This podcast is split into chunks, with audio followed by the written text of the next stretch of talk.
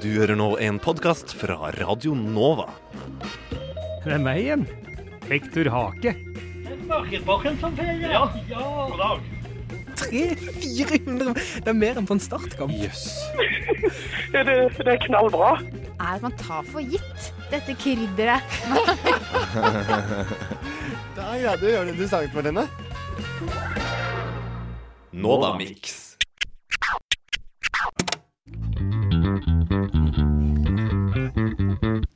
Første nyttårsdag var det kø fra Sats Bislett til høyskolen. Bli kvitt ribba uten å bli robba. Bli robba uten å bli ribba. Spis rotgrønnsaker til du kaster opp. Ta trappa. Det velter ut ferdigtrente mennesker i alle fasonger. Han ene kaster opp rotgrønnsaken og spør om å få bagetten uten bagett. Grønnsaken ligger alene igjen. Mens pulsen blir høyere på mølla, blir min det i ren aggresjon. Sirkus er et religiøst sammensurium av høypulserende, nyfrelste sportsidioter eller fitnessdronninger som føler at det er sin plikt å stå opp mot røykerne. I mangel på gudstro tilbes egen kropp som tempel. Sekret av ulike former tyter ut av kroppsåpningene. Til opplysning. Det fins de av oss som ikke på død og liv må gjøre alt enten-eller. Men kroppen min er også et tempel. Helse. Frelse. Jeg vil også bli frelst. Kan noen komme på døra og frelse meg? Med all denne frelsinga så blir det på mange måter mye mer fristende å synde. Du, send over potetgullet. Så er den her igjen. Januar. Og akkurat som i religionen føler vi en skyldfølelse over å være et dårlig menneske. Årets første måned er til for å sette bot på samvittigheten. Mandag hele året synger DumDum Boys, men januar er bare en av de tolv månedene. Kapitalen på Radio Nova.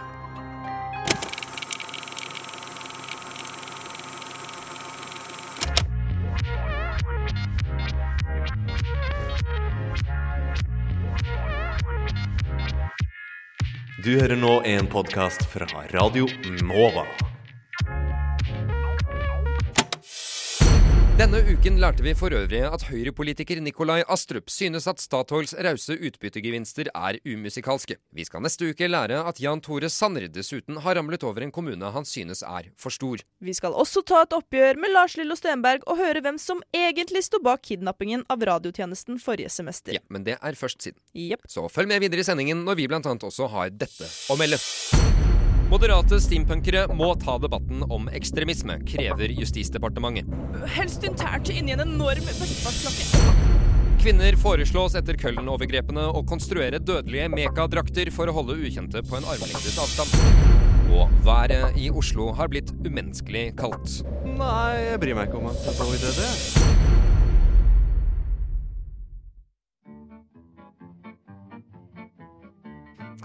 Kan du tro det, Benedikte? Andreas gikk dypt undercover i Telenor i en måned og har visstnok gravd frem noe skikkelig grums der. En, en ekte konspirasjon. Sånn, endelig har vi skikkelige nyheter. Ja, Bare ikke få for store forhåpninger, Christian. Ikke vær så pessimistisk. Da, så se der er han. Hei, tjenestemann Veier Osvold. Tilbake fra undercover-arbeidet, ja. Ja, hei. Og dere, jeg, det, det jeg har til dere Wow! Dere vil ikke Ja, tro ja, ja, ja vi, vi, vi har dårlig tid. Uh, Ja. la, oss, la oss egentlig bare sette i gang. Ok, kom inn, kom inn, Olger. Vi setter i gang nå. Vent, vent litt. Hæ? Hvem, hvem, hvem er dette? Uh, Olger Williamson. Hei, hei. Ja, Olger har faktisk gått på skuespillerakademi i London. Wow. London, Kentucky, altså.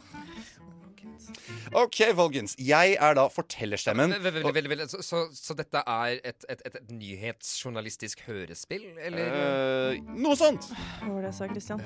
OK, Olger baby, du er stjerna vår. Du spiller helten Anders Velle Tosvold.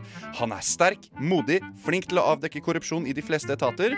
Benedicte, du spiller Athena Brystkraft. En tander og vakker Telenor-kvinne som er under pisken til den onde og stupide mellomlederen Bartram Grell. Og Bartram Grell, det er deg, Christian. Eh, husk at det er lov å improvisere her, folkens, men hold dere likevel jækla strengt til manus. Eh, ja, manus. Her, ta, ta hver deres manus. Ta. Ja.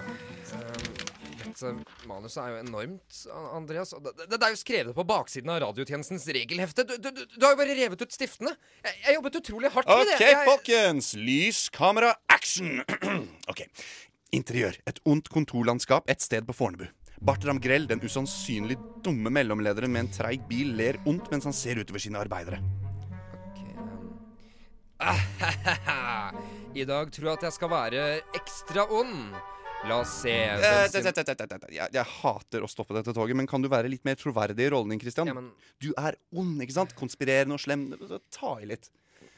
Okay, okay, Go. ja, okay. Action. Uh, ja, ehm, la oss se hvem sin dag jeg kan ødelegge i dag. Ha, unge frøken Brystkraft. Perfekt! Wow. Uh, Athena Brystkraft ser sin mellomleder komme mot seg. Hun hater den dumme mannen. Hun syns han er tåpelig. Å nei! Der kommer den tåpelige mellomlederen på avdelingen min. Han kommer til å implisere meg i sine korrupte planer.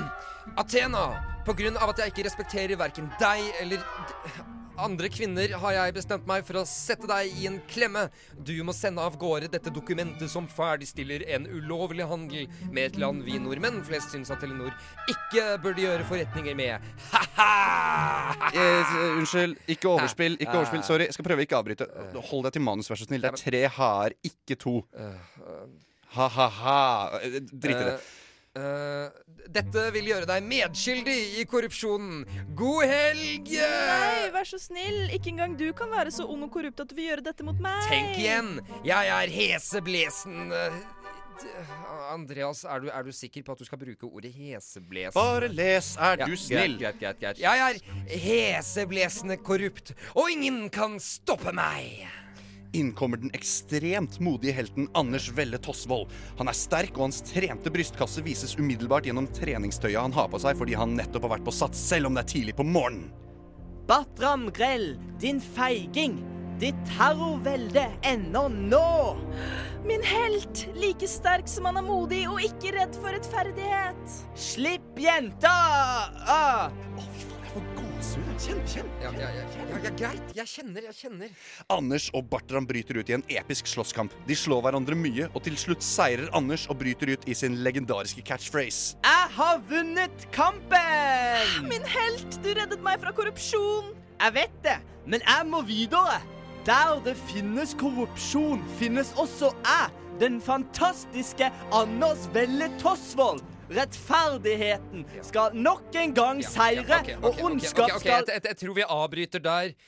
Åh, Andreas, du må vel forstå at dette strengt tatt ikke var det jeg forventet av deg da du gikk undercover i Telenor i en måned. Var det ikke? Hva? Hæ?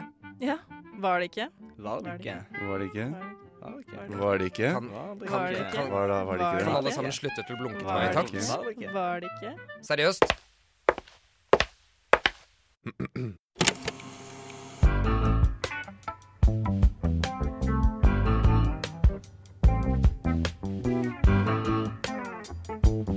You're listening to Radio Nova. Akkurat nå hører du på Radio Novas samfunns- og aktualitetsmagasin, Opplysningen 99,3. Vi vet stadig mer om hvilke konsekvenser klimaendringene får for miljøet rundt oss. Men hvilke samfunnsmessige konsekvenser kan klimaendringene føre til? Kan klimaendringer føre til mer voldelig konflikt og krig? Forskerne er uenige om årsakssammenhengen mellom klima og konflikt, men at klimaendringer kan være en gjeldende faktor i konflikter, er de fleste enige om. Og hva med de som blir drevet på flukt? Hva sier de om årsaken til at de måtte forlate hus og hjem? Med oss i studio har vi Halvard Buhaug, forsker ved PRIO, Institutt for fredsforskning, og Heidi Solheim Nordbekk fra Flyktninghjelpen. Velkommen begge to. Takk. Buhaug, du har altså forsket på sammenhengen mellom klimaforandringer og konflikt. Hvilke sammenhenger finner forskningen mellom konflikt og endringer i klima? Sagt veldig enkelt så er det ingen enkel og direkte eh, sammenheng. Eh, det har vært betydelige kontroverser på feltet, dvs. Si at forskere har vært uenige. Eh, og til en viss grad så er de fremdeles uenige. Men eh, de fleste er enige om at det er ingen enkel og direkte sammenheng på tvers av mange case. Eh, det utelukker selvfølgelig ikke at eh, klimatiske forhold kan ha spilt en rolle i enkeltkonflikter. Eh, og på litt lengre sikt så utelukker det heller selvfølgelig ikke at klimaendringer i framtiden kan ha en større effekt enn det vi har sett i nyere historie. Men de konfliktene har, dere har sett på, hva slags typiske konflikter kan det ha en, sammenheng med klimaendringer? Det er et godt spørsmål, fordi eh, sett på tvers av alle former for organisert politisk vold, så er det ingen enkel sammenheng. Eh, I hvert fall ikke som statistiske studier klarer å eh, avdekke. Men om du bryter ned og ser på visse former for eh, konflikt, eh, så kan det være en, en, en, en, sammenheng. Og det vi særlig ser, det er at eh, mindre det vi kaller for non-state-konflikter, altså konflikt mellom grupper hvor ikke nødvendigvis en stat er in, in, involvert, Eh, konflikter på et mye lavere nivå enn det vi kanskje kaller for borgerkriger. Eh, der er det en tendens til at de konfliktene blusser opp i perioder med enten unormalt mye nedbør eller unormalt lite nedbør. Um, og så har vi da uh, ganske mye forskning som viser at det er en klar sammenheng mellom økende matpriser og urbane opptøyer. Uh, og der er selvfølgelig spørsmålet i hvilken grad har værforhold Eh, vært med på å påvirke den økningen i matprisene. Men i den grad eh, klimaendringer framover vil gjøre matprisene mer ustabile, eh, det er for så vidt en annen debatt, så er jo det en indikasjon på at da kan vi også forvente mer sosial uro, særlig da kanskje i byer hvor de fleste konsumentene bor. Ja, og det sies at like mange personer i verden er fordrevet av miljøødeleggelser som av krig og vold i dag. Og FNs klimapanel anslår at minst 200 millioner mennesker kan måtte flykte om 70-80 år som følge av klimaendringene. Eh, Heidi Solheim Nordbekk, eh, altså fra Flyktninghjelpen. Du jobber rundt nettopp denne problematikken med klimaflyktninger. Hvordan ser dere på sammenhenger mellom klimaendringer og voldelig konflikt? Eh, Flyktninghjelpa jobber i omtrent 30 land. Eh, og tradisjonelt ja, vi jobber med land som er utsatt for konflikt. Eh, og her ser vi i mange av de landene at det er også de er utsatt for gjentatte tørke- og flomkatastrofer, mer ekstremvær, som også har en ekstra byrde på våre målgrupper. og de flykter mye internt i, i eget land, og noen flykter over grensa. Uh, og det er faktisk, ifølge våre tall, så er det faktisk flere som flykter pga. naturkatastrofer nå enn politisk konflikt. Mm. De, er, de, største tallene er i Afrika og, og også i Asia særlig. Ja, og du som jeg forstår har jobbet spesielt med Afrika. Uh, hva, mm. sier, hva, sier, flyktningene selv om hvorfor de må, må flykte? Uh, det er jo et veldig sammensatt bilde, da, som ble sagt her innledningsvis. Uh, ofte er det områder der de allerede er utsatt for politisk konflikt, som sagt, og så uh, er de fattige. Og hvis det da kommer en uh, tørke på toppen av det, så slår avlinga feil. så, så det er nå f.eks. på Hornet, som er veldig utsatt for El Ninjo, så er det en stor tørke i Etiopia akkurat nå. Og da er det jo eh, Det er et område som allerede er utsatt for flukt, og nå er det mer internflukt der òg. Og, og, og, da er det rett og slett for at de ikke har eh, mat. Det er stor matmangel. Ja, så tørke er ja. en viktig faktor her. Um, Dubueg har sagt at konflikter kan bli voldelige, voldeligere når de blir våtere. Hva mente, hva mente du med det? Ja, eh, Det er en eh, observasjon som flere statistiske studier eh, rapporterer. Og Så eh, kan man diskutere hvorfor dette, eller hva det skyldes. Eh, jeg har sett noen eh, forklare dette, kanskje særlig når vi snakker om det, det cattle raiding, altså kvegtyveri og vold knyttet til det. Der er det noen som hevder at i perioder med unormalt mye nedbør, så er budskapen mye mer selvdreven, og man har mer tid til å faktisk drive med med eh, væpnede angrep på eh, nabostammer f.eks. slik at da, det, da, snakker vi kanskje mer om sånn taktiske fordeler knytta til visse perioder. Um, så det er kanskje den, den, forklaringen som ser ut til å dominere bildet. En annen forklaring er at uh, i andre perioder, kanskje særlig perioder hvor det da er tør, uh, tørke, så har ikke menneskene og eh, lokalbefolkningen holdt på å si nær, nær sagt det overskuddet til å, å, føre krig. De er opptatt av å fø seg og sine. Eh, og at eh, Eh, ja, Det er noen som sier at sultne mennesker kriger ikke. Altså, de, har, de, har, de har rett og slett mer enn nok med å overleve. Mm. Så det blir nesten en sånn overskuddsfenomen, det å gå, gå, til krig. Men jeg forstår du som forsker er opptatt av eh, kausale årsakssammenhenger. Det skjønner jeg, og at det er vanskelige og komplekse faktorer inni bildet her. Men er det ikke nærmest litt sånn intuitivt å tenke seg at, at et hardere klima og mer klimakatastrofer, som da tørke og flom, økt havnivå f.eks., nærmest uunngåelig vil føre til mer konflikter i fremtiden? Det er ingen tvil om at det vil føre til veldig mye lidelse. Eh, og det er jo også godt mulig at det vil eh, forsterke faktorer som vi vet er knytta til konflikt. Eh, da tenker jeg særlig på sosial ulikhet, ulikhet mellom grupper.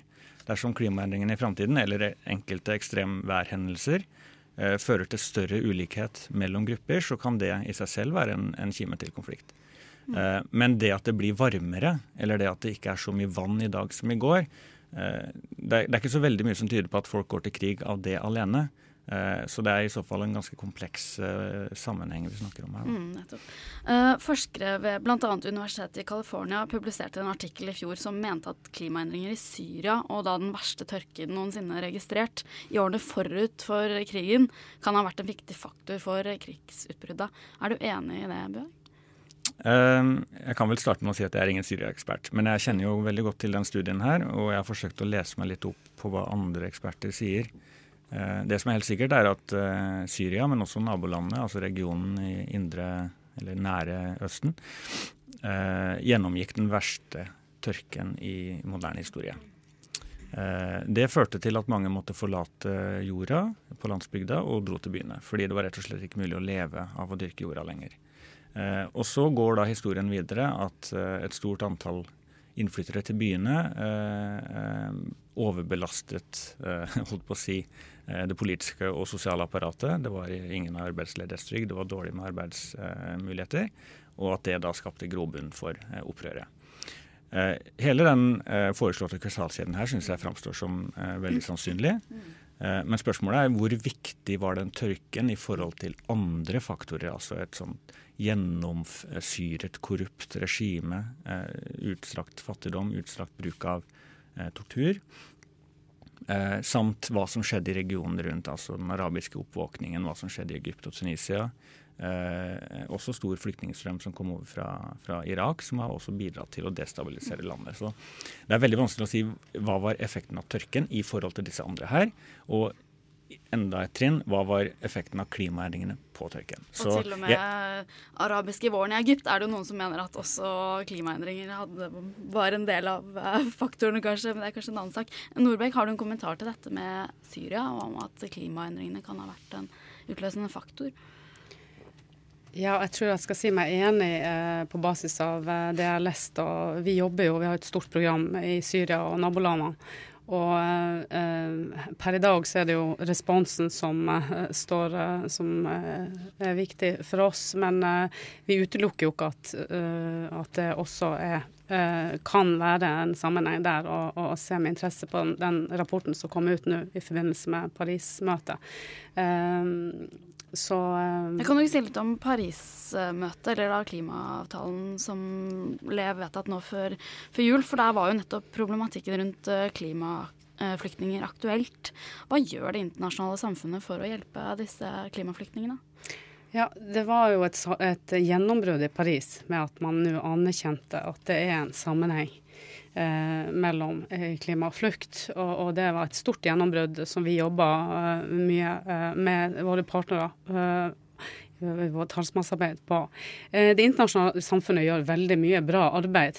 Det vi ser i Flyktninghjelpa, er at uh, våre partnere i FN f.eks. og Verdensbanken og alle de her store aktørene investerer mye nå i forebygging, som er veldig viktig.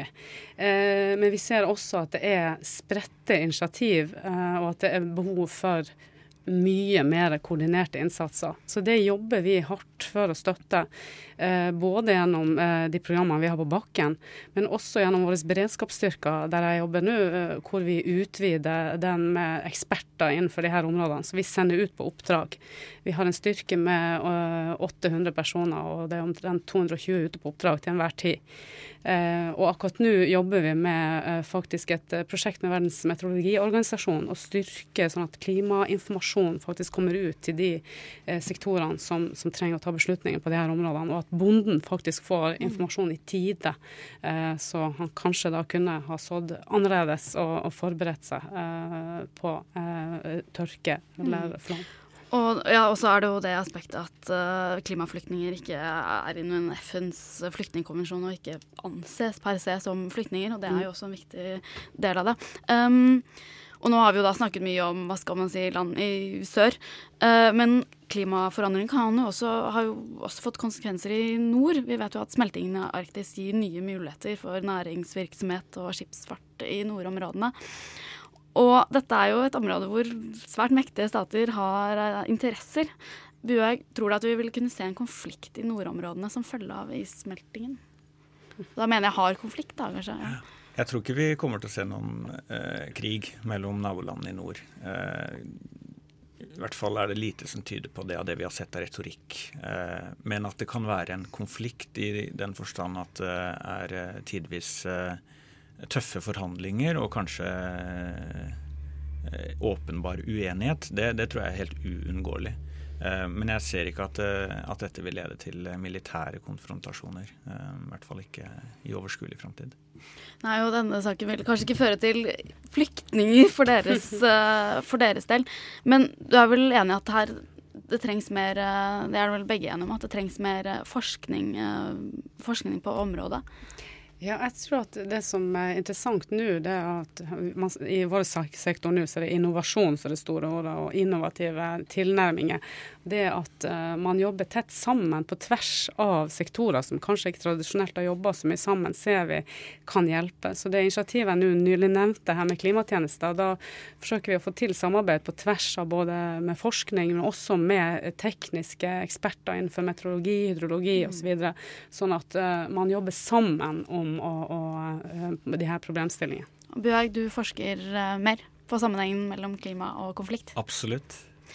Da har vi altså belyst den problemstillingen, og det er nok en problemstilling som ikke blir eh, hva skal man si, mindre aktuell med årene, dessverre. Eh, takk til deg, Halvard Bueig, du er forsker ved PRIO, og Heidi Solheim Nordbekk fra Flyktninghjelpa.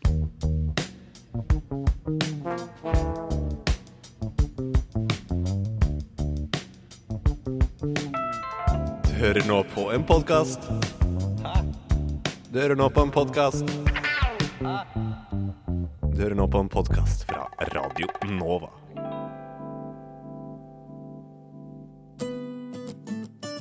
Farger, dans, musikk og melodramatiske kjærlighetshistorier. Disse elementene har gjort den indisktalende kommersielle filmen gjenkjennelig i store deler av verden. Og for å forstå kvinnen i denne filmtradisjonen må man forstå Bollywood. Bollywood er en stor filmindustri, med 800 til 1000 filmer i året. Og det kommersielle aspektet er i stor grad rådende. Det å trekke et stort publikum er en av de store drivkreftene i filmproduksjonen. Samtidig moderniseres India i høyt tempo, med sterk påvirkning fra Vesten, også når det gjelder vestlig populærkultur og film. Og fra Vesten så kommer det også et annerledes kvinnesyn, som for mange kommer i konflikt med Indias tradisjonelle syn på kvinnen. Og nettopp denne konflikten mellom vestlig påvirkning og østlige tradisjoner har i flere år blitt problematisert i mange av filmene. I et narratologisk perspektiv kan den unge kvinnen i Bollywood-filmene deles inn i tre typer. Kvinnen portretteres enten som den dydige, hengivne og lojale kvinnen som vinner helten til slutt i filmen. Som den eventyrlystne og uavhengige vampen, ofte sammenlignet med den vestlige verden. Eller som kurtisane, en slags mellomting mellom tradisjonelle verdier og den mer frie vampen.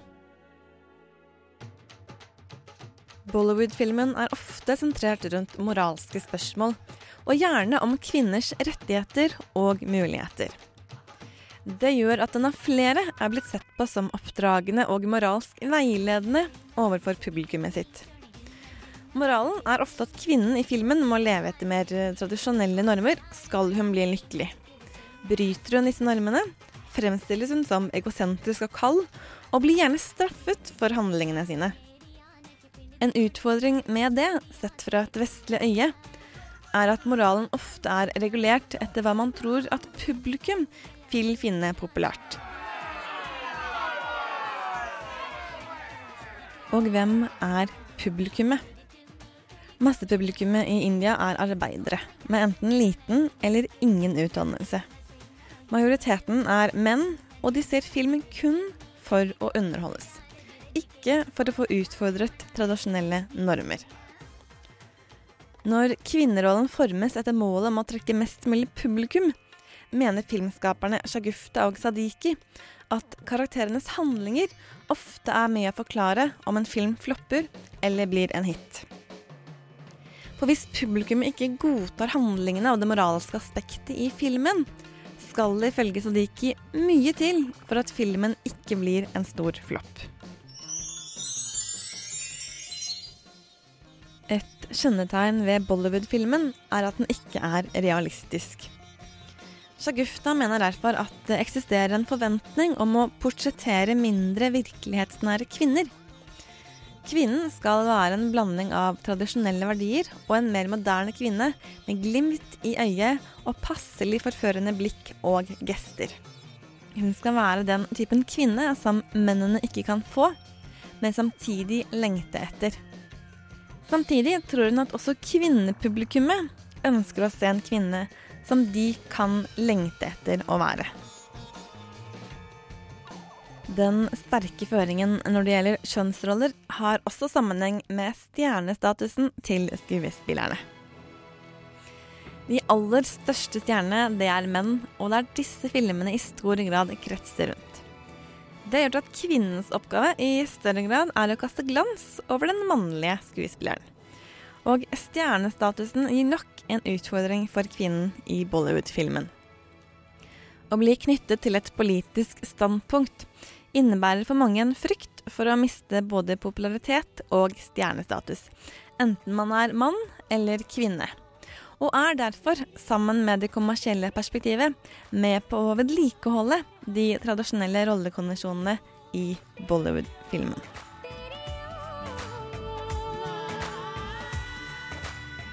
Skallebank, skallebank, skallebank, skallebank, skallebank. Klassisk eh, jingle der. Før det så hørte vi By The Way av gruppa Red Hot Chili Peppers, som spiller på Chateau Neuf i kveld. Send en SMS med kodeord NOVA til nummer 2440. Så kan du vinne billetter, og vi skal også prøve å få ikke fly. Jeg hørte at han fikk vi ikke kontakt med, Øystein. Nei, det stemmer. Jeg fikk en WhatsApp-melding i stad. Han okay. kunne ikke komme. Men det bra er at vi, har, vi prøver å få inn Chad Smith i stedet, som spiller trommer i Red Hot Chili Peppers. Og det, det jobber du med fortsatt? Ja, det, han, det han, han, han, er på Tinder, så han, Ja, chatter. ok, så bra. Um, I mellomtiden så uh, tenkte jeg Det var egentlig sånn Det er litt dårlig nå, da, som vi uh, ikke Eller vi skal ha en trommeslager. Eh, for vi tenkte at vi skulle sende bassen rundt. Men jeg tror han Eh, også spiller bass, altså. Du tror han jeg tror okay. han spiller to instrumenter. Ja, for Om vi bare tar en liten runde der vi David Bowie alle- spilte også flere instrumenter. Alle Kanskje jeg skal starte, da? Ja, siden jeg allerede sitter med bassen. Ja, begynn du også. Ja.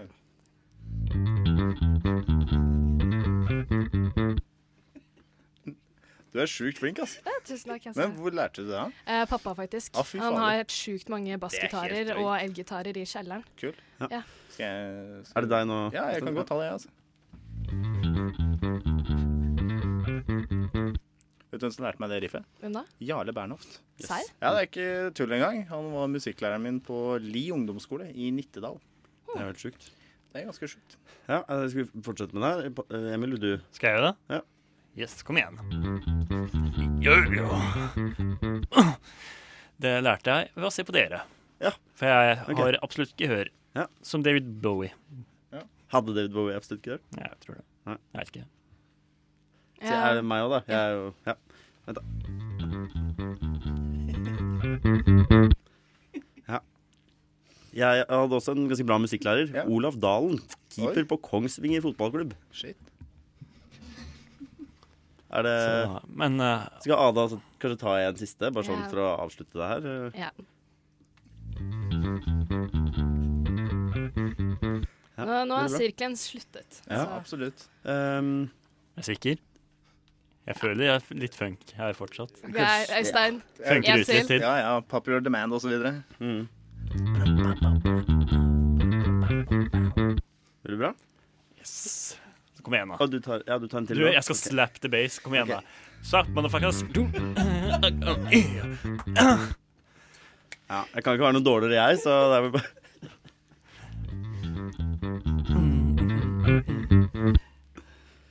Ja. Uh, Så slutta vi jo sirkelen med Ada forrige gang. Da. Jeg syns kanskje vi skulle Altså- Gjort det igjen, ja. Okay. Altså, Ja, greit. Ja. Greit.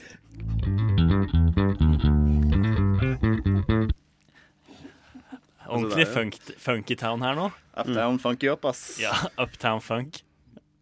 Don't believe it. ja, bra, Øystein. Du tar en siste. Jeg tenkte at det var på sin plass, egentlig. Det var sånn, Følelsen i studio var der. da, Emil, Emil, du griper til bassen igjen. Du, vet du hva? Hit it! Nei, vet, La meg bare få den bassen. Jeg legger den vekk. Eller vet, jeg tror jeg tar en Simen, Simen, jeg veit hva du skal nå. Det er så bra. Du leser vibbene i rommet så bra. Det er, helt, det er så bra. Jeg, Jeg tenker at nå tar jeg på ekte ansvar. Jeg tar siste riff. Ja. Bare for Og så, vi har eh, Peter, som ikke er her i dag, har laget et innslag om musikken til Red Hot Chili Peppers. Hvis vi bare kan gå rett fra at du spiller den siste Ja. bass greit, inn til innslaget til Peter. Er det Ja, greit? la oss gjøre det.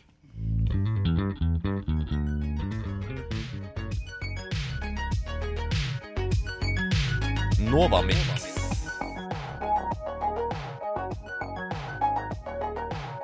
Du hører nå en podkast fra Radio Nova.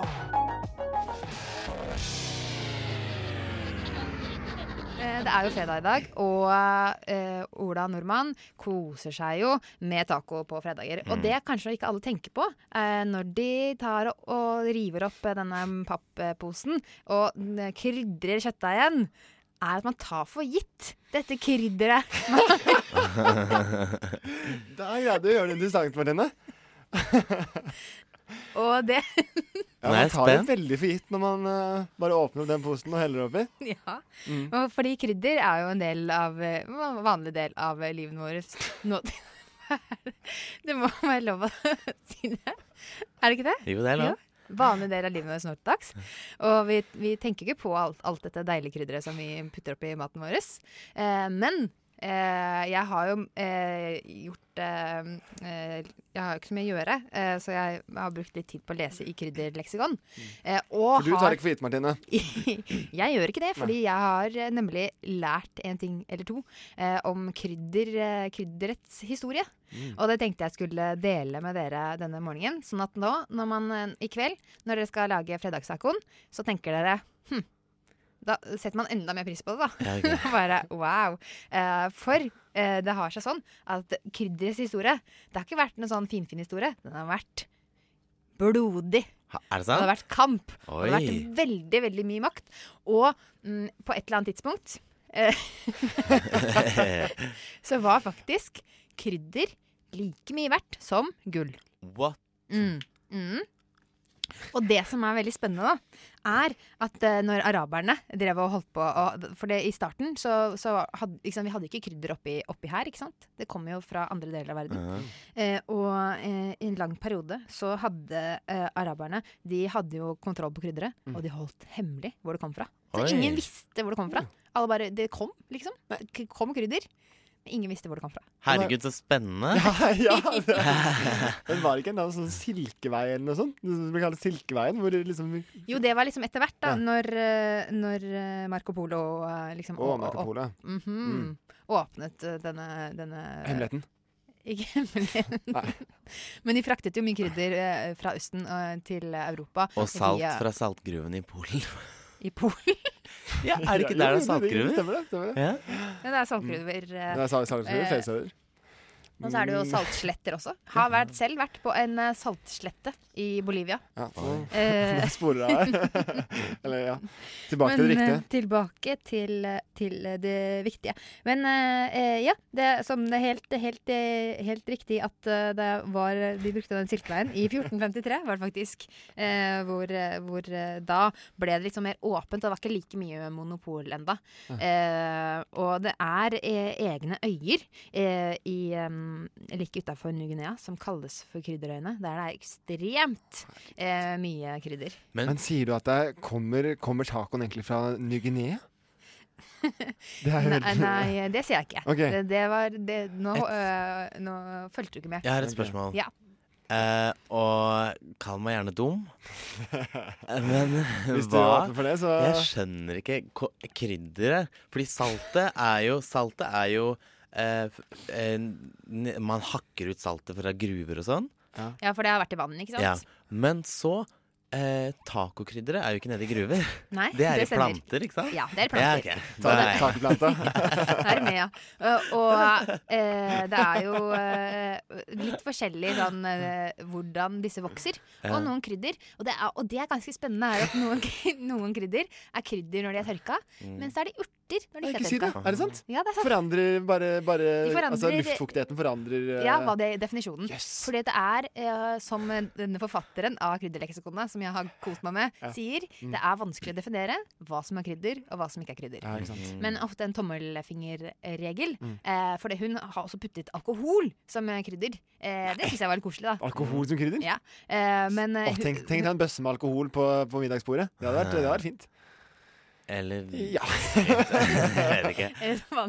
Men tenk om det var sånn eh, tacogruve, som saltgruven i? Polen. Ja. vært nede i tacogruva i I Mexico, da, sikkert. Ja. Mm. Det som er med tacokrydder, er at det er jo en blandings, det er jo blanding av eh, paprika, eh, salt, eh, og så selvfølgelig mye, mye spisskummen. Mm. Eh, og sånn at da måtte man jo på en måte hatt en litt Jeg vet ikke helt hvordan man skulle fått til den gruven.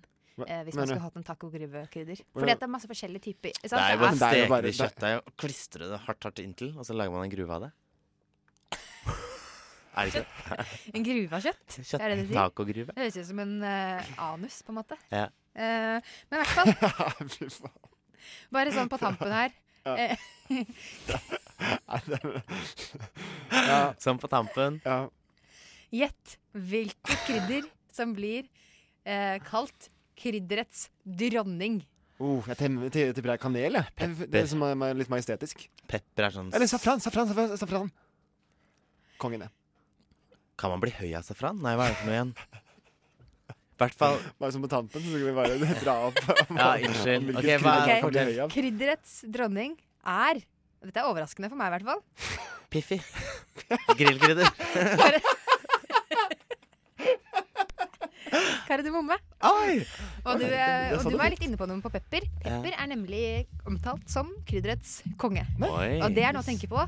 Spiser, eh, du spiser jo ikke Hvis du putter, eh, putter Man skulle jo tro at det var, hvis, hvis det var pepper som var kongen, så burde salt vært dronning, tenker jeg. Men uh, sånn er det ikke. sånn er det ikke. Og verden er mer komplisert enn du tror. August.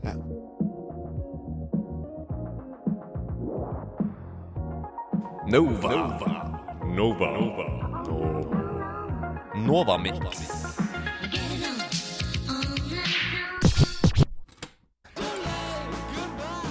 Vi, eh, vi fikk nettopp vite en ganske fantastisk fun fact Ja. eh, fra vår gjest. Det stemmer. Eh, vår gode venn PC, Per Kristian, som er denne partyfikseren fra Kristiansand, som er en gjenganger i dette programmet, mm. har en far som Altså, PC er jo selv en forretningsmann. og Hans far er Mhm. også en forretningsmann. Og nå lærte vi akkurat det, at faren til PC han har vært direktør i Sørlandschips, selvfølgelig. Det er, uh, det er så vakkert. Uh, Det, det føles som at alle som er fra, fra Kristiansand, jobber i sånne veldig kristiansandske firmaer. Du finner liksom ikke, Det er ikke noen som jobber i Telenor i Kristiansand. Nei, de jobber er liksom i produksjonen på Henning Olsen, Henning Olsen eller. Sørlandschips eller et eller annet sånn båtbyggeri. Ja. Noe sånt noe. altså, er altså, en eller annen isbar nede ved brygga. Og resten er Eh, serviceyrker. Ja, ikke sant. Det er litt sånn. Men uh, vi skal jo uh, Vi er nødt til å ringe PC. Det er januar. Jeg tror, jeg tror ting har lagt seg, lagt seg litt for PC nå. Det er litt roligere. Men vi, prøv, vi prøvde å ringe han for en halvtime siden. Ja. Uh, det er noe vi alltid må gjøre. Sånn, hei PC, er det greit at vi, vi ringer deg? Ja, det er alltid greit. ja. Eh, Men akkurat i dag litt vanskeligere enn vanlig, kanskje? Ja, han dro litt, eh, han dro litt på det. Eh, og grunnen til det var at eh, når, eh, i dag, når klokka slår 18, så skulle han nemlig på et foredrag med manageren til Matoma. Ja, Det er verdt å få med seg. og eh, altså, vi må bare eh, Matoma. eh, Jeg har ikke noe spesielt forhold til han, men hvis jeg har skjønt riktig, han er en ganske stor DJ. Ja, Eh, han er litt sånn Han er litt sånn um, Hva skal jeg kalle det? Altså litt sånn B-utgaven av Kygo, på en måte? Ja, litt sånn. Kanskje uh, Lager helt lik musikk, men ikke like kjent. Ja, Kygo baner kanskje litt vei for Matoma. Ja. Uh, og det er kanskje det manageren til Matoma skal snakke om, eh, hva vet vel vi. Uh, men det var i hvert fall slik at, eh, som PC sa, dere må gjerne prøve, men jeg kan ikke love noe. Eh, så da Hva skal vi gjøre, da? Vi får egentlig bare prøve å ringe han. Kan vi bare slå nummeret? Så skal vi se om vi får noe kontakt. Det er jo litt av greia òg. Vi har jo selve, selve ringesekvensen er jo en fast del av programmet. Det er så mye spenning. Ja, fordi at vi vil på en måte ha det, ha det spontane i den oppringingssituasjonen med oss. Mm. Uh, og ofte akkurat idet PC tar telefonen, så er det ofte litt sånn at han må eh, Han er på et veldig bråkete sted. han er på en eller annen festival eller på, på, på et DJ-sett eller et eller annet sånt. Og i hvert fall veldig mye folk rundt, og så må han snike seg ut uh, for å snakke med oss. Mm. Og vi vil gjerne ha med det da når vi snakker. Nå hører jeg på telefonlydene i bakgrunnen her at de er ikke spesielt uh, lovende. Og tekniker eh, Isak eh, er like rød i fjeset som han er på genseren. Så vi får se da om eh, vi i det hele tatt lykkes med å få en sånn summetone, som det heter. Det skjer ting nå. Men vi er veldig gode på å fylle sendetid, Asbjørn. Det skal vi ha. Ja. I hvert fall jeg. Du gjorde ikke så mye innsats. Nei, Sjelden. Ja. Hallo, gutta boys.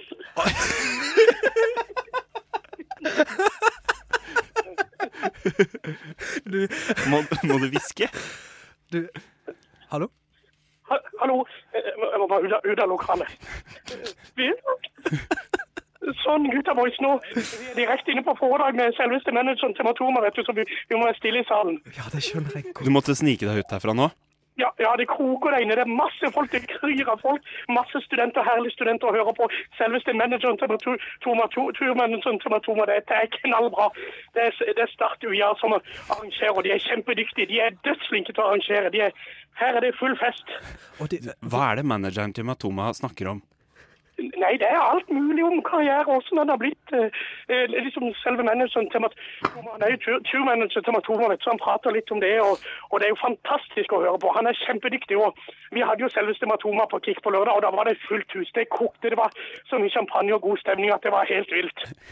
Du, det er jo helt utrolig å høre. Hvor mange er det som har samla seg da for å se manageren til Matoma? Og, ja, det er iallfall en 300-400 studenter, det koker inn i salen. 300-400? Det er mer enn på en startkamp. Jøss. Yes. det, det er knallbra. Herregud. 300-400. Det, er- det er ikke dårlig. Ja, det er veldig bra. Det er knallbra opplegg her på, på UiA på i Kristiansand. Har de kanapeer og sånn? Eh, Å ja, ja, her er det rød løp og eh, det sant? Jeg tror det blir litt kanapeer i pausen og champagne og Men er det inne på UiA, sa du det? Ja, det er inne på UiA i sånn egen VIP-lounge. Altså, her er sånn fin. Altså, her, det er så fint. og Du ble godt tatt godt imot. Så glei vi rett inn, og det var kjempefantastisk. Eh, Det er så god stemning. Er det, er det du som har fått organisert at For jeg har, tror ikke noen andre universiteter i Norge har en egen VIP-lounge. Er det du som Til har 400 mennesker. Ja. Eh, Nei, men du vet det, på UiA, vet du, det er Kristiansand, og du vet det, når vi kommer på besøk der de ordner alt, da er det god stemning, vet du. Den burde jo være oppkalt etter deg, da, PC, den VIP-loungen der. ja, Eh, det er knallbra, det er god stemning. Åh, det er godt. Du, PC, vi, eh, vi har ikke snakka med deg på lenge. Vi har, vi om det. Vi har savna deg veldig. Ja, jeg har samlet dere, og riktig godt nyttår forresten. Ja, ja godt nyttår, PC. I like måte. Og masse gøye fester. Altså 2016 blir jo tidenes VIP-år i Kristiansand og, og rundt forbi. Vi har så mye store planer for dette året. Det blir bare, det blir bare mye gøye fester. Det blir reise rundt i verden og bare oppleve mye gøye ting. Det blir knallbra. Vi har fått en del SMS-er fra, fra lyttere som lurer på om det kommer en ny låt. Og ja, men, men det gjør det. Det er bare å vente og glede seg. Vi, jo, eh, og min manager vi holder på å planlegge ny låt, så det, vi skal ha stor lanseringsfest. Så kanskje vi kommer til Oslo og lager fest, vet du. Altså, vi må jo så ha festlig på Teatercaféen. Perfekt. Ja, ja fy søren, det, det vi snakka mye om. Det må vi få gjort snart. ja. Å, det blir Ja, gøy. det, ja, det, det blir knallgøy. Så, det, eh, så bare si til alle lytterne det, låt kommer, vi holder på. Vi har så mye å gjøre at nå, det skjer så mye nå. eh, Altså 2016 bare blir bare wow. De kommer til å bare sjakka poff. Altså. Det, det, det er som å si konfettikanon opp lufta. Det, altså, det, dette året kommer til å koke. Åh, vi gleder oss, PC. Det blir helt konge. Du, eh, Benjamin, skal vi la han komme seg videre til foredraget? Ja, helt på tampen fikk du noe fint til jul. Og masse fint. Jeg fikk som, vi, fikk, vi fikk jo, nå skal vi ha ny tur til Skagen, den familien, og det blir jo knallbra. Så i går lå, lå vi i hardtrening på, på Fresh, og jeg, jeg kjenner jeg sår i rumpa ennå og stiv i beina. Altså, vi fikk lov å sykle en time. Det er bra, PC. Det er, Det er veldig, bra. veldig Du, bra. må- du må komme deg inn igjen til manageren til Matoma. Ja, men det skal jeg gjøre, så må dere bare hilse hele Oslo, he, hele teaterkafeen, så ses vi i Oslo snart. Ja, det gjør vi. Ha det bra. Ha det, ha det. Alltid, alltid i stor form. Eh, det, jeg har ikke ord for hvor, hvor glad jeg er i det mennesket. Han tar seg alltid tid til å prate med oss, uansett hvor, uh, hvor hektisk det er. Ja. Jeg tror kanskje sånn uh, Jeg har aldri vært på foredrag med noens manager før. Men Nei. hvis jeg faktisk hadde vært på foredrag med manageren til Matoma, så vet jeg ikke om jeg hadde gått ut om telefonen hadde ringt. Nei, uh, det kommer an på hvem som, hvem som ringer. Hvis det var PC som ringte, kanskje. Ja, kanskje. Det er faktisk sant.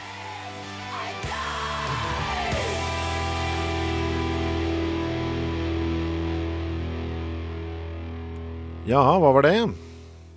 Uh, the Good, The Bad, The Sugly med Who Will Say Viscanda Rock. Jeg prøver å huske å si The good and the bad and the sugly, bare, bare for å være ekstra jeg blir irriterende. The Good and The Bad and The Sugly. Vi skal, jeg denne historien eh, fra mitt liv eh, må vike en liten eh, omgang her. For det har skjedd noe uforutsett, men bra. Uh, at det har kommet eh, besøk? Uh, nei. Nei? Det hadde vært uforutsett, men bra, ja. Mm. Mm -hmm. uh, jeg vet ikke om de kommer eller ikke. De har ikke svart For det er, jo, det er jo gjester som har varslet sin ankomst, men det vil jo fortsatt være uforutsett at de kommer. Ja. Eh, nei, det var jo slik at eh, i, eh, på tampen av fjoråret så begynte vi å spille av en del gamle innslag eh, som vi hadde hatt på radioprogrammet vårt her på Cakewells. Ja. Eh, I den uh, suppedeisen der så spilte vi jo et, en utgave av Hektor Hakes hattehalvtime. Husker dere det? Ja, jeg elska det. Okay, det. Ah, Mm. helt perfekt. Det er veldig rart. Ja, Det er lov å si det. Men er dere klar for noe rarere? Uh, dette kom Hektor Hake for øre. altså skaperen av Hektor Hake, som uh, syns selv, uh, da han hørte på Kreppels, at han syntes det var litt uh, okay, Det kunne vært framført bedre, følte han. Å, er jeg glad. Ja, så Hektor Hake har eh, eh, har laget eh, ikke mindre enn åtte nye hattehalvtimer til oss. Det er, det er den Nei. beste julegava jeg kunne fått. Mener du det? Ja. Men det er jo Hector Hakes halvdaltime. Der snakker vi jo Det er 15 år gammelt, er det ikke? Ja, men Hektor Hake f- fikk, eh, hadde litt tid til overs, naturligvis. Og Så fikk, fikk giret over seg. eh, ja. Og har da Jeg har ikke engang hørt på det. For jeg tenkte Oi, jeg, jeg ville høre det samtidig som dere. Så jeg fikk de to Skal vi første- gjøre det nå? Vi skal gjøre det nå, ja. Jeg fikk de to første tilsendt på mail her eh, tidligere i dag. Oi, helt fantastiske nyheter. Jeg vet, jeg, jeg, han har sagt at nå, han skal ha en samtale med en berber i en av de. Jeg vet ikke om det er i dag, men det kan hende. Uh, ok, Men han har altså gjenoppstått fra, Fra Vi har ikke hørt fra ham på 15 år, da. Nei. Ja, men du, altså, jeg, jeg regner med at han forklarer alt selv. Jeg vet ikke hvor langt det er. Jeg vet ikke hvor lang halvtimen hans er. Eh, Eh, I dag er halvtimen på 2 minutter og 20 sekunder. To minutter og 20 sekunder er den halvtimen. Det høres perfekt ut. Jeg er, jeg er klar. Er dere klare? Alle er klare. La oss slippe ham til. Hei, det er meg igjen. Hektor Hake.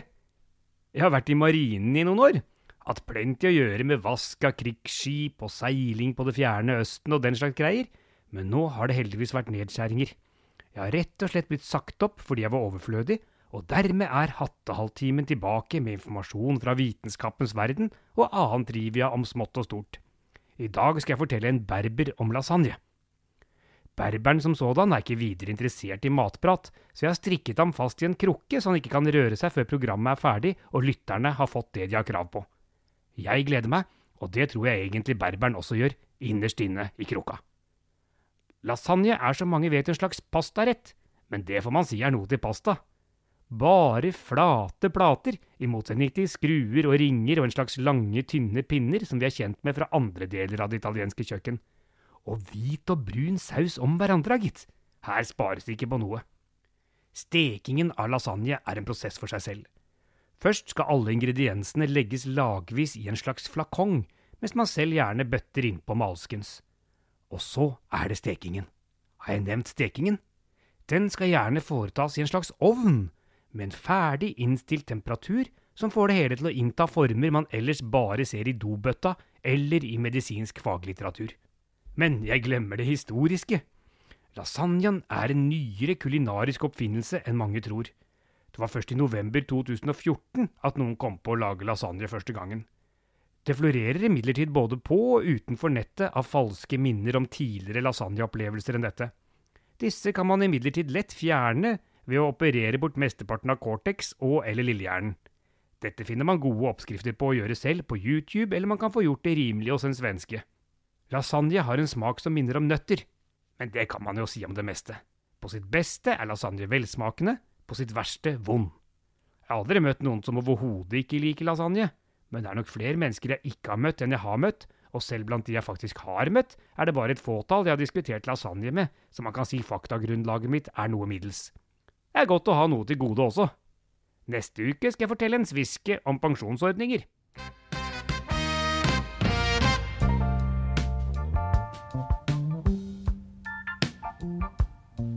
Radio Nova FM 99,3 DAB og radionova.no.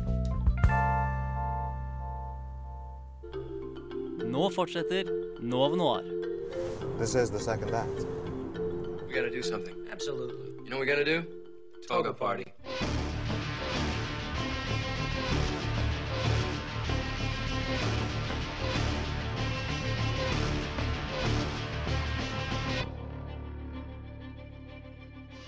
Vi sitter her fortsatt eh, i en eh, time til her på Nova Noir. Og eh, som vi vanligvis gjør på starten av året, så tenker vi litt fremover i 2016, filmåret. Eh, og ser litt på eh, hva er det egentlig vi gleder oss til. Har dere noe dere gleder dere spesielt mye til? Uh, ja, altså jeg gleder meg jo til å se Den kommer jo først, så Reven Revenant er jo spent. Ja, for den kommer jo neste fredag. Ja, eh, Spesielt med Golden Globe. Og jeg liker jo Injaritu fra gammelt av, eller så gammelt det er sunt å se filmene hans, da. Ja. Eh, Det er han som står bak uh, Birdman. Ja. Og Beautiful. Beautiful. Babel. Babel, ja. Mm. Og så min yndling er fortsatt debuten hans, som heter 'Elskede de kjøtere'. Og den er fra Mexico, på okay. spansk. Veldig grotesk, men ganske bra film. Eh, og så har vi jo Altså, det er jo noe man må prate Eller virker som man må prate om. Det er superheltfilmer. Batman versus Superman. Det kommer en ny, ny trailer, så den er overalt Men igjen. det føler jeg gleder jeg meg ikke til i det hele tatt. Det er sånn, Nei, jeg er litt sånn careless, ja. egentlig. Ja, det er jo uh, Det blir jo på en måte noe helt annet, kan du si. Uh, Mm. Men uh, jeg så traileren, liksom, og Mm. det virker jo Nei, jeg vet ikke helt hva jeg skal si. ass. Den, Ja, Det ser ikke bra ut, eller? Jeg får, får litt lyst til å se den, liksom. Men uh, det er jo et litt sånn fjollete konsept. Men det er jo sånn megamørkt. eh, Men det jeg lurer på, er den basert på eh, Frank Millers Year One? Fordi der er det også uh, Superman versus Eller ikke, da møter Superman Batman, og de har en liksom sånn battle. Og det var en veldig bra tegneserie, så da kan jo hende Jeg er det er veldig skept skeptiker av Zack Snyder, for han er sånn Jeg er litt sånn minimalistisk av meg. Han er more is more-regissør. Rett og slett. Mer, mer inn. Han skal ha alt inn i filmene sine. Men eh, Mye actionsekvenser. likte du ikke Watchmen? Watchmen. Jo, det er vel kanskje best han har laget, vil jeg anta. Eh, men Sucker Punch kul. også. Veldig kul. Eh, men jeg, det er kanskje upopulær mening. Men det blir på en måte litt sånn som Marvel eh, sin liksom eh, eh, Hvordan de samler universene med liksom The Avengers og sånt. Så har du dette med DC sine superhelter som møtes, Ja. da. Men det har jo egentlig DC gjort for lenge siden med Justice League og sånn Ja, også. sant. Så det er jo en vanlig greie, på en måte. Men den, Og så er det jo Ben Affleck, da. Ja, ikke sant? Da blir det jo litt sånn Kan, eh, kan vi leve med det? Kan, kan vi egentlig det? Det er spørsmålet. Jeg også Det er også verdt å nevne. Det gleder jeg meg til i den forstand at jeg er spent på å se på hvordan de håndterer det. Men Oliver Stone skal lage film om Edward Snowden. Den kommer ut Ja, i mai, tror jeg. det blir. Eh, med Levitt i hovedrollen. Det er han som spiller den. Han- Er det det? Ja, ja, Joseph Gordon. Det er Levitt. Joseph Levitt, Gordon-Levitt, Levitt, ja. Mm. Han skal spille han. Um, jeg har ikke le Oliver Stone er jo Han er, han er Stone-tilhenger. Uh, Så det blir mest sånn, sikkert vinkla, sånn som mange av de krigsfilmene hans er. Mm. De Han er jo veldig politisk i Ja. eh, filmene sine. Ja, han er veldig sånn antikrig eh, og antifascisme og sånne ting. Han ser sikkert på sånn som helt, som veldig mange gjør. Det er på en måte en stemme du trenger i eh, amerikansk film. Noen som er kritiske til liksom ja. eh, Og han er en av de som får, får liksom- mest penger for å gjøre det. Ja. Fordi han er populær, selv om han har gjort veldig mye rart og ikke så veldig mye bra siste filmene. Det er jo på en måte en bragd, det, da. Å kunne slåss mot eh, Ja, det er, det er det. Men da lurer jeg på Da blir det sikkert sånn tilbakemeldinger kan bli dårlige på bare av at den er vinkla på en eller annen måte og sånn. Sant. Men jeg gleder meg egentlig mest til å se hvordan den håndteres, så jeg kommer til å se den. Mm. Men hvordan det blir som film, er kanskje noe annet. Jeg gleder meg egentlig også litt til den der uh, Cohen-brødrene-filmen, Hail Caesar, Ja. selv om det, ting tyder på at den ikke blir så veldig bra. Men jeg er jo veldig sånn uh, tilhenger av Cohen-brødrene, Mm. egentlig. Men den skulle jo egentlig komme ut før uh, Oscarsesongene, sånn type rundt juletider, sånn at den var klar for uh, award season, men så ble den pushet eh, bak, og det er jo et ganske dårlig tegn i seg selv. Sant. Men jeg, jeg, jeg kommer til å se den. Jeg Ja, gleder liksom Cohen-brødrene-filmene blir litt sånn i samme Ikke samme kategori, da, men litt som med Quentin Tarantino-filmer. Så Mm. har du Du vet på en måte hvilket univers du er innenfor, da. Ja, Du kjenner igjen en film av deg når Ja. du ser det. Og så er det ofte de samme skuespillerne også. Og Ja, ja. Og så gleder jeg meg til å se liksom, skapelsen av en sånn 50-talls uh, store epos satt i nåtid, på en måte. Mm. Håper at det blir fine kulisser og fine bilder, hvis det ikke blir bra innhold. Ja, For det, Ja, det er mye å kose seg med i de filmene Ja. uansett, liksom. ja, det, er, det er det, altså. Enig. Og så gleder jeg meg egentlig også sånn i mars, når vi i Norge får se alle disse Oscar-filmene. Det sånn Spotlight, uh, Brooklyn ehm, Ja, nå kommer jeg ikke på den andre, men uh, Joy. Ja. De kommer til Norge Det er sånn generelt de Jeg gleder meg, jeg har Spotlight, der er noe jeg gleder meg til. Mm. Uh, ja, eh, sånn skandinavisk setting, så kan vi jo nevne Birkebeinerne og Gullkysten. Ja. Veldig kult. Gullkysten uh, kommer jo nå på fredag. Ja, uh, veldig aktuelt. Det er, det er jo dansk eh, produksjon med ingen ringer enn eh, Jakob Oftebro i hovedrollen. Norges kjekkeste mann. Ja, rett og slett. Og dedikert. Han uh, har jo lært seg dansk. Uh, for å liksom uh, utvide repertoaret sitt, da. Eller liksom å komme litt inn i dansk film òg, da. Og det er jo kanskje ikke så dumt. Eh, ja, han spiller jo i begge filmene. Han spiller i Birkebeinerne òg. Gjør han det? Ja, sammen ja. med Kristoffer Hivju. Oi. Han er med alt for din, han. Ja, han har mye som eh, kommer ut. Han produserer og står på. Så han er jo virkelig up and coming. Så bra for han. Ja, for han var jo også akkurat med i den der eh, Unge lovende VG-serien. Mm. NRK. NRK. Nei, er det NRK? Ja. Ja, selvfølgelig er det det. NRK3. Tror jeg. Er det ikke, jeg tror det var nettserie. Nei. Ja, eller det er på Ja. NRK nett-TV, er det ikke det? Ja, jeg, Ja, Nå roter vi- nå roter vi oss bort her. Ve veldig bra Ja. serie, forresten. Anbefales. Jeg vet ikke om det er så mye Veldig mer bra statistarbeid i det. Ja, ja. Ja, Mm. sant! Eivind er jo statist i Unge lovende. Selvreklame Litt selvreklame Ja. her. ja. Du kan se meg i to sekunder i uh, Episode tre. Sant. Men, men, men. Hvis du finner Eivind, screenshot og send det til uh, 20 Så vinner du en premie. Ja. Vinner en autograf. uh, men jo, begge to filmene er historisk baserte. Uh, Birkebeinerne går ut på liksom uh, uh, kongedømmeting tilbake i norsk historie. Ja, sånn i vikingkrig. Ja. Og Mens derfor- Gullkysten er et sånt svart kapittel i dansk historie, da. Med sånn Ja. slavehandel og sånne ting. Tror jeg. Ja. Skal jeg ikke se. Det ser veldig bra ut. Men jeg gleder meg til det. Ja. Sjæl. Uh, ja, jeg vet ikke om det er noe mer vi egentlig er noe mer å snakke om, som vi gleder oss til. Nei. Eh, Gleder oss ikke til nei, noe. Det er ingenting mer. Men eh, jo, jeg vet du hva, forresten, jeg vil bare si at jeg gleder meg til begge Michael Fassbender-filmene. Både Steve Jobs og Macbeth. Som begge to har gjort det litt sånn lunkent i liksom, box officesene. Men uh, har hørt at i begge så er Michael Fassbender veldig flink, og det tviler jeg jo ikke på. Hvor er hans Oscar, dere? Ja, hvor er den? Ja, Kanskje, kanskje nå til Oscarene. Kanskje. Eh. For med Kate Winslet vant jo Golden Globe nå. Sant, for nevne. hennes birolle der. Og som uh, Og så vant jo Hæ? Og hun har sånn, der, rar, sånn rar reaksjon. Hun later som hun ikke tror hun skal vinne hver gang. Hver gang så er det sånn Oh, what? Hun er skuespiller, vet du. Ja. Vinner Os Oscar for Oscar-reaksjonen sin. Ja, er vi ikke litt lei den? den? skulle hatt en egen prisutdeling for Oscar-reaksjon. Ja. Det syns jeg, da. Aaron Sorkin er jo også, vant jo også Golden Globe for eh, manus Ja. eh, på Steve Jobs, og han er jo en veldig stødig manusforfatter. Mm. Eh, veldig politisk. Han, veldig- hans filmer går det nesten an å se er skrevet av han, selv om han bare skriver dem. Ja, ja, jeg, så, Ja, jeg husker jeg så Charlie Wilson's War, og så var jeg sånn Dette må jo være Aaron Sorkin. Fordi jeg hadde akkurat sett liksom sånn Newsroom og. West Wing. Så jeg var sånn, ja, ja, dette er jo Uh, Men veldig, veldig dyktig, da. Så fortjener det. Skumma kultur. På, på, På Radio Nova. FM 99,3. Vi må over til en litt annen eh, ting, fordi vår reporter Audun Nagelhus han eh, kommer fra Levanger i Nord-Trøndelag. og- Levanger? Levanger. Ja. Og har eh, lagd en liten eh, reportasje til oss. Hva slags forhold har du, gir til sånn nordtrøndersk kultur? Em, jeg kan si Levanger, og så kan jeg Karsk, og så um, Det er vel det. Ja, men karsk, det var ikke så dumt, fordi vi skal inn på noe karsk og krumkake. Krumkake. Uh, Ja, jeg har spist krumkake også. Jeg syns det er litt rart om det er det som At det er bare nordtrøndersk krumkaker. Nei, men karsk og krumkaker i, i kombinasjon, det er noe action vi skal få eh, komme inn på nå i denne reportasjen til Audun.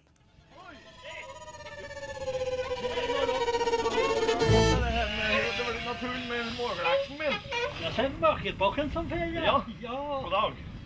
Vi må ha en helse. Ja, ja, vi må gjøre det. God dag. God dag. I juleferien var jeg hjemme i Nord-Trøndelag, der jeg er født og oppvokst. For første gang på mange år skulle jeg ta turen langt inn gjennom det innerste av Inn-Trøndelag, gjennom dalføra med bygder som ingen noensinne hører noe fra, og som knapt har blitt berørt av moderne teknologi, industri, Facebook og annet mannskitt. Jeg og en gammel onkel, som heter for Johan Møkkerbakken, skulle besøke bestefaren til oldebroren til tremenningen og til kusina mi, han Johan Arnt Tjuddorstogan. Han bor i Roddedalen, bare en liten traktortur nord og rett øst for Løksdalsvatnet. Ja. Her er her er det verste til vinter. Vi kan, vi kan se det først. Det nesten du skulle ha vist meg en runde. Ja, vi må kanskje ta en runde. Ja, men jeg kan se få deg ute igjen. Ja, Jeg setter børsa her nå i land, så du må ikke bort igjen. Tjuddorstogan er kjent for sin formidable samling av skrot og lort som han har samla opp fra bygda opp gjennom årene. Og gjestfri som bare roddedalinger kan være, blir jeg invitert med for å se på alt det rare Tjuddorstogan har på gården sin. Først blir vi tatt med inn i et rom fullt av gamle hjemmebrenttanker, og langs med veggene henger det hundrevis, ja om ikke tusenvis av gamle glassflasker. Tjuddorstogan kan fortelle at det var dem roddedalingene brukte ha heimbrenten sin på i gamle dager. Det var noen få. Å ja, det var ja. Så på hen skal du se hen er det noe som heter for dobbeltrens av regnbyen. Jaha. Henne var saken. Mm, denne var sikkert. ja, denne slo opp i knoppen, ja. ja, det gjorde jeg. Ja. Og så ser du en annen flaske som står ren sjokker, som står på ei. Henne, ja. Det står Spiritus Fortis. Ja. Denne, det skal være i fremmedord på hjemmebrent, det, sier de. Er det? Ja, det, Latinsk? ja. ja. De påstår det. Videre innover går vi gjennom ei smal dør, så lå at sjøl politikere med forkjærlighet for pelsdyr og drept skal inn i karmen om de ikke bøyer seg. Rommet vi kommer inn til, er fylt til randen av gamle radioapparat som roddedalingene har brukt til å kommunisere med omverdenen på opp gjennom årene. I den forbindelse får jeg høre siste nytt om Vømmølfestivalen av Møkkebakken. Ja, Hen, hen, hen. Her det var radio. Hen skal vi se sånne klart ut. Ja. Hen må vi gå inn på med andakt. For, Jaha. for her kan jeg hende vi lærer på radio. Oi. Det. Du vet det at Vømmølfestivalen der oppfordres dem til å ta med radio. Og det er dem, ja. Men det er en uting. Det er en eh, liten eh, hele tida ugrei med Gyllentann, men for han be- kommet med en sånn pressemelding at det er jeg som kalte den svininfluensaen. Oh, sier så sånn hørt sånn tull. Da tull, da tuller jeg. Ja.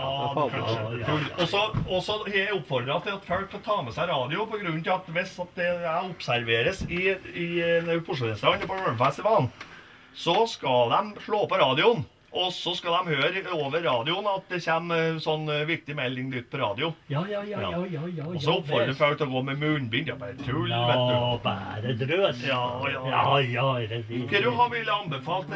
Nå er ikke jeg noe strøm oppi gammen. Vi har vært på besøk hos den Tjudurstokken en stund, og da det begynner å li ut på, blir karsken og krumkakkene satt ut på bordet. Vi setter oss ned, og gubbene begynner å fortelle historier, sånn som gubba gjør. Latteren sitter løst, og karsken enda løsere. Og jeg kan ikke vente jeg og min gamle onkel Møkkerbakken igjen skal på besøk til bestefaren til oldebroren til tremenningen til kusina mi, han Johan Arnt Tjudurstokken.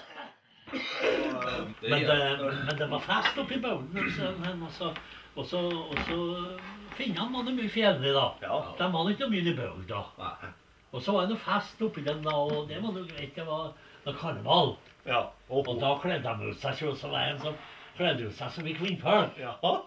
Og så han Virje, og De har slakta for en liten stund siden, så han skrev en svol med en liten gåtbus bakpå. da.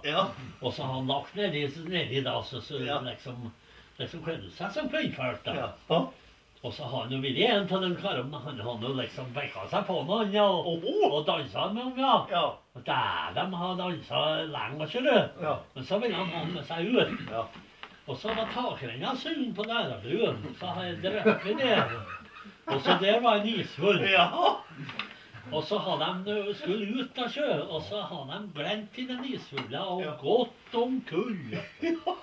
Men de har ikke jorda, han. Den iskald at finna har stått i fleske.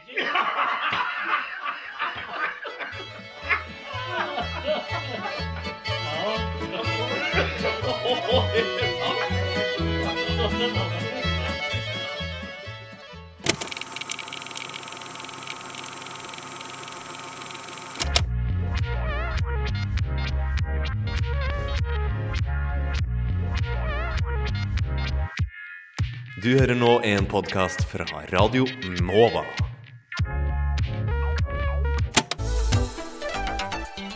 Dette er Kjetil Rekdal.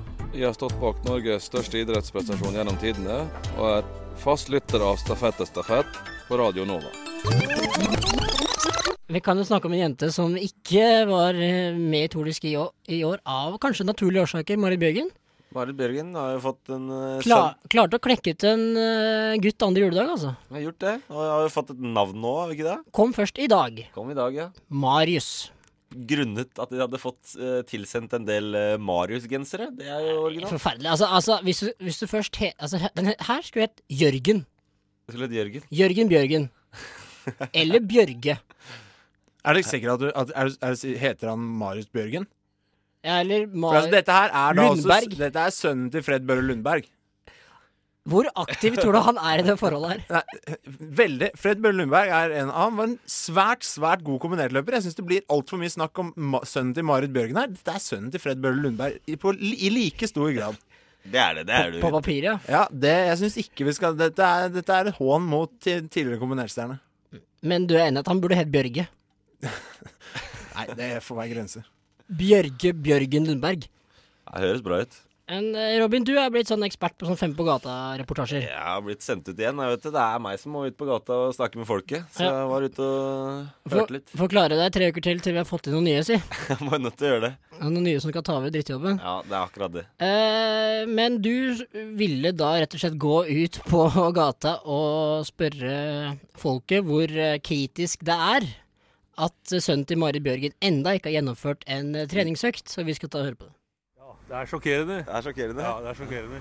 Hvor, hvor eh, tror du han kommer til å ende opp som en uh, langrennsstjerne? Nei, nå ligger han altfor langt etter. Han ligger for langt etter, ja. han. ligger for langt etter. Så det går nok ikke.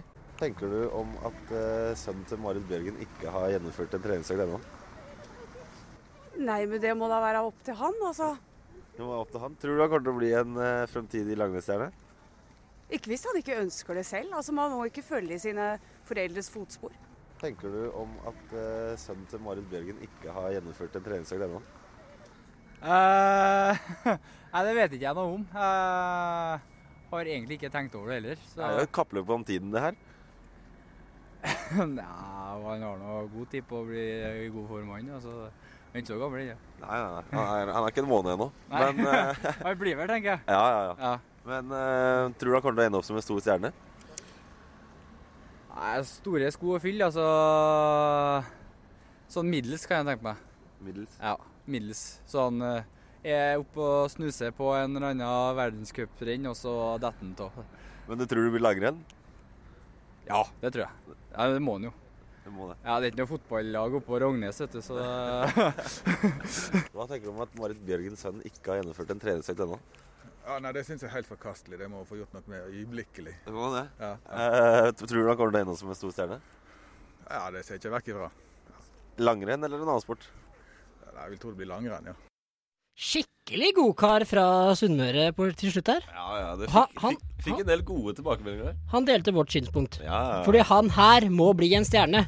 Ja, Du mener det? Han, har- han har i hvert fall genene, det har han. Men eh, da, som jeg har nevnt òg, må få lov til å velge selv. Mener ene dama som vi snakker med. Nå her må pushes. Det er så jævla typisk nordmenn. Nå skal vi passe på han til han er 15 år, og så ja, nå skal han trene tre ganger i uka. Her må det pushes med ordentlig coaching fra tidlig alder. Nova. Nova. Nova. Nova Mix.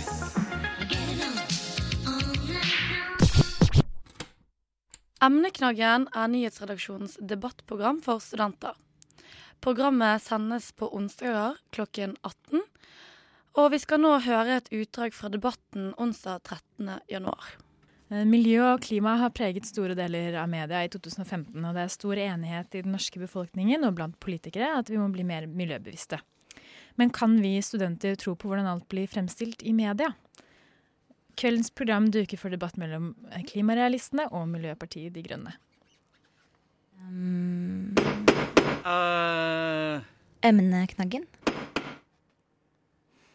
De er enige om at klimaet endrer seg, men om det skyldes menneskeskapte handlinger eller naturlige endringer, er de vidt uenige om. Med oss for å diskutere om søppelsortering og elbiler er unødvendig eller nødvendig, har vi tidligere leder av Klimarealistene og nåværende redaktør av magasin Klimanytt, Ole Henrik Ellestad, og bystyremedlem i Miljøpartiet De Grønne Oslo, Eivind Trædal. Velkommen begge to. Takk. Takk. Eh, begrepet 'det grønne skiftet' Eivind, er blitt godt brukt det siste året. Eh, kan du forklare hva det betyr, og hva innebærer det egentlig? Ja, det er jo et uh, slags eh, slagord som man uh, må fylle med mening, uh, og det er det ikke alle som har klart. Og vi i De Grønne mener jo at det betyr at vi er nødt til å slutte med de tingene som skaper klimagassutslipp og bidrar til klimaendringer. Og selvfølgelig også det som skaper unødvendig utryddelse av arter og ødeleggelse av natur. I Norge så har vi ganske miljøvennlig energiproduksjon, og vi har for så vidt en mer miljøvennlig eh, livsstil enn mange andre, men vi har også et veldig høyt forbruk. Og vi kjører mye bil, vi flyr mye, og så har vi nødvendigvis da en gigantisk oljebransje som vi er nødt til å gjøre noe med, som allerede er i trøbbel nå, da, fordi olje ikke er fremtidens energi. Så for oss betyr det grønne skiftet at vi må bort fra olje, bort fra bilkjøring og flyving, i hvert fall på fossilt energi, og vi må redusere det materielle forbruket vårt. Hva mener du om det grønne skiftet, Ole Henrik? Hva betyr begrepet for dere? Ja, jeg har jo jobbet mye med miljø, og det er mye som eh, kan gjøres for å bedre miljøet. Eh, Klimarealistene er enig i det, slutter seg i stor grad til det. Man kan diskutere tiltak på demokratisk vis. Noen tiltak er bedre enn andre. Og det er en god debatt. Det vi reagerer på, det er jo at klimaet trekkes så sterkt inn. Klimaet har variert så lenge kloden har eksistert. Vi har mye data for de siste 600 millioner år, og der har det gått opp og ned. Dagens variasjoner er langt innenfor yttergrensene, og de er også innenfor grensene av hva som har skjedd eh, etter den siste istid. Vi skal være klar over at eh, under den varmeste delen for noen tusen år tilbake, gjennom en flere tusenårig periode, så var kloden varmere, og Norge var varmere. Det var ikke breer. Og temperaturen var to til tre grader varmere.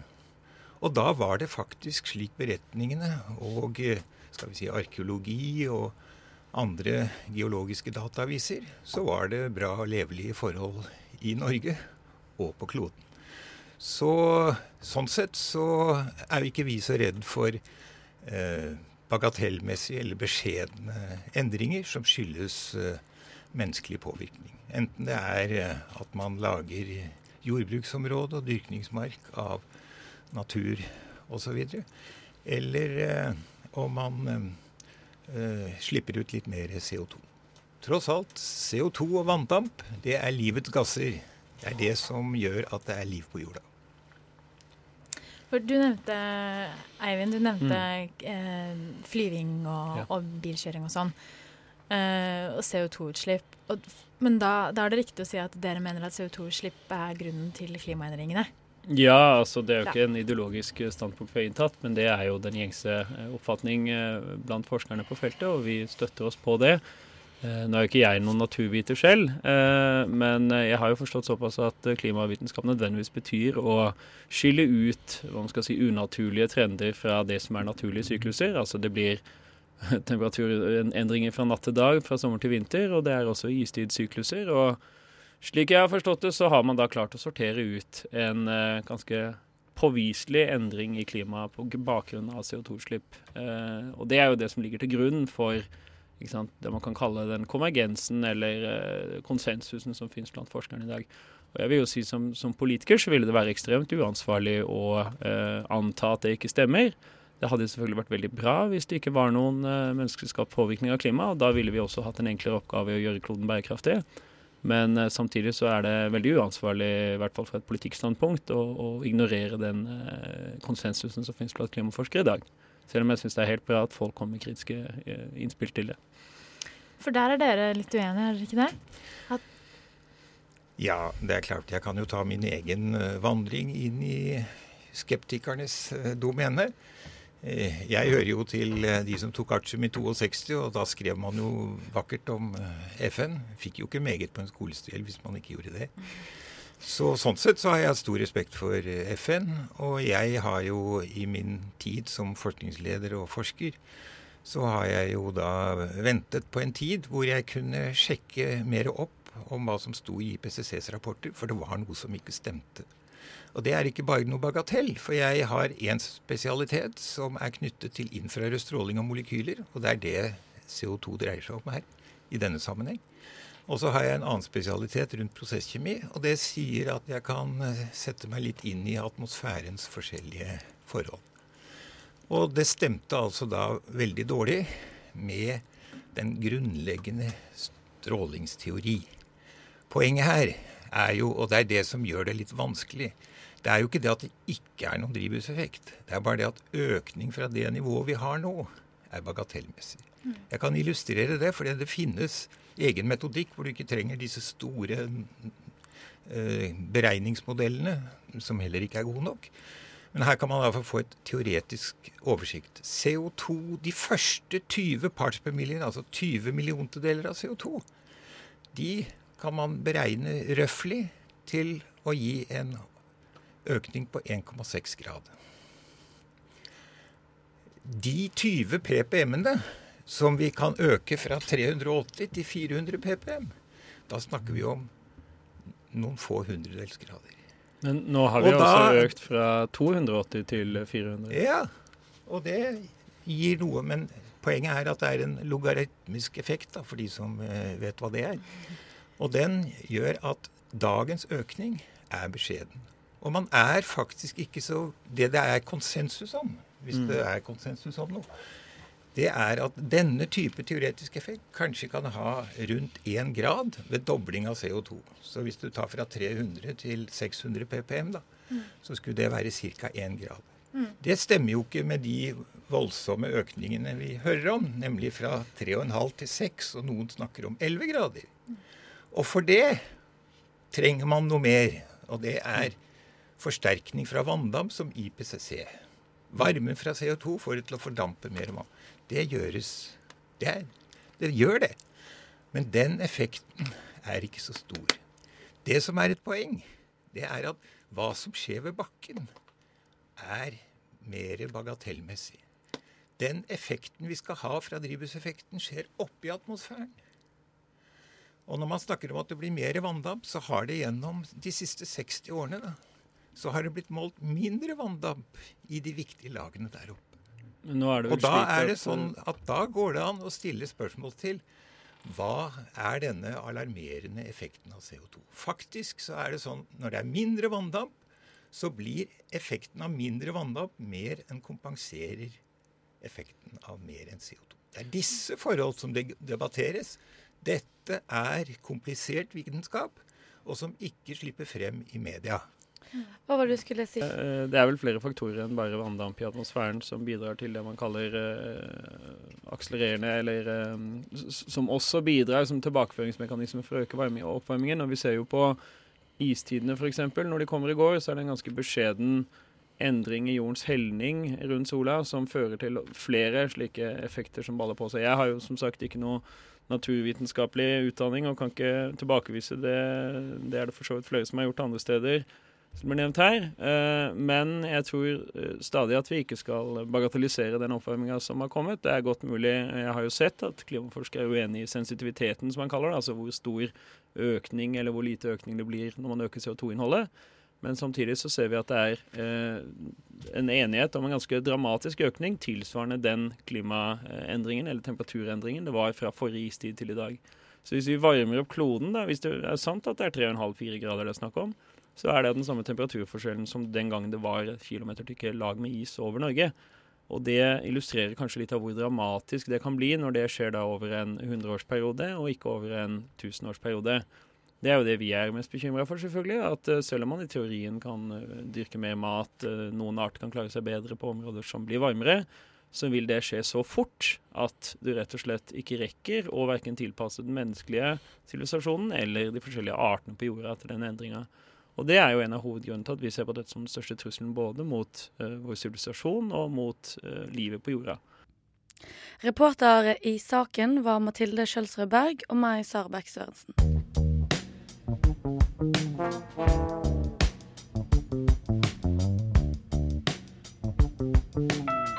Du hører nå på en podkast. Du hører nå på en podkast. Du hører nå på en podkast fra Radio Nova.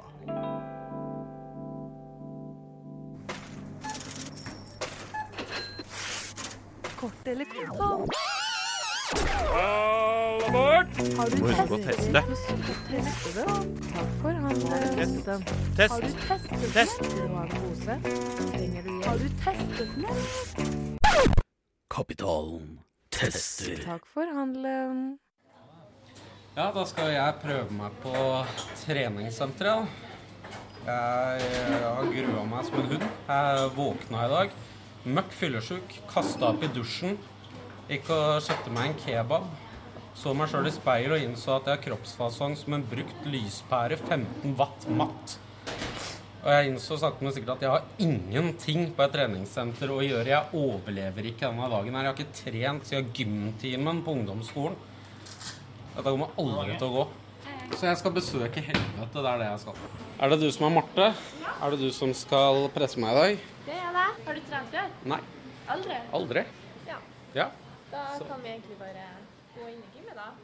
Herregud, folk har så jævlig mye muskler her. Altså Når man ser sånn ut, hvorfor går man på treningssenter? Man er ferdig.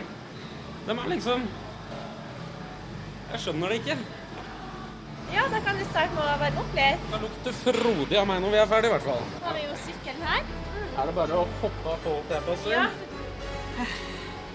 Ja. Går det greit, eller? Ja. Dette her, dette fikser jeg. Ja. Nå blir det litt tyngre. Kjenner det. Så kan du godt øke tempoet litt, sånn at du blir varm. Okay. Har du trent mange før? Ja. Har du Du er ikke den første. Jeg er ikke den første. Nei. Nei, men du er min første. Du tar liksom dyden min her. Det, dette er et veldig spesielt øyeblikk for meg. Uh. Hvor mange kalorier er det? Det er bare 13 kalorier. 14 kalorier. Dette er jo helt vilt. Sånn, så kan du øke tempoet enda litt. Enda litt? Ja. Å, herregud. Nå har du sykla i snart to minutter. Vi tar to minutter til før vi starter To minutter dobbelt eh, så styrkeøvelser. Ja, du er halvveis nå. Jeg er ikke lagd for dette her. Åh. Herregud. Jeg trodde det var et Oi, i alle dager nesten Kan du prøve å holde hendene dine på de her, så ser du pulsen nå. Ok, 178, ja. er det mye? Ja, det var ganske mye. Nesten makspuls. Ja, altså, snart stopper hjertet mitt her, altså. Dette kommer til å være Du Kan du egentlig bare stoppe nå. Takk. Takk. Da drar vi hjem. Ja, OK. Radio Nova FM 99,3 DAB pluss og nett.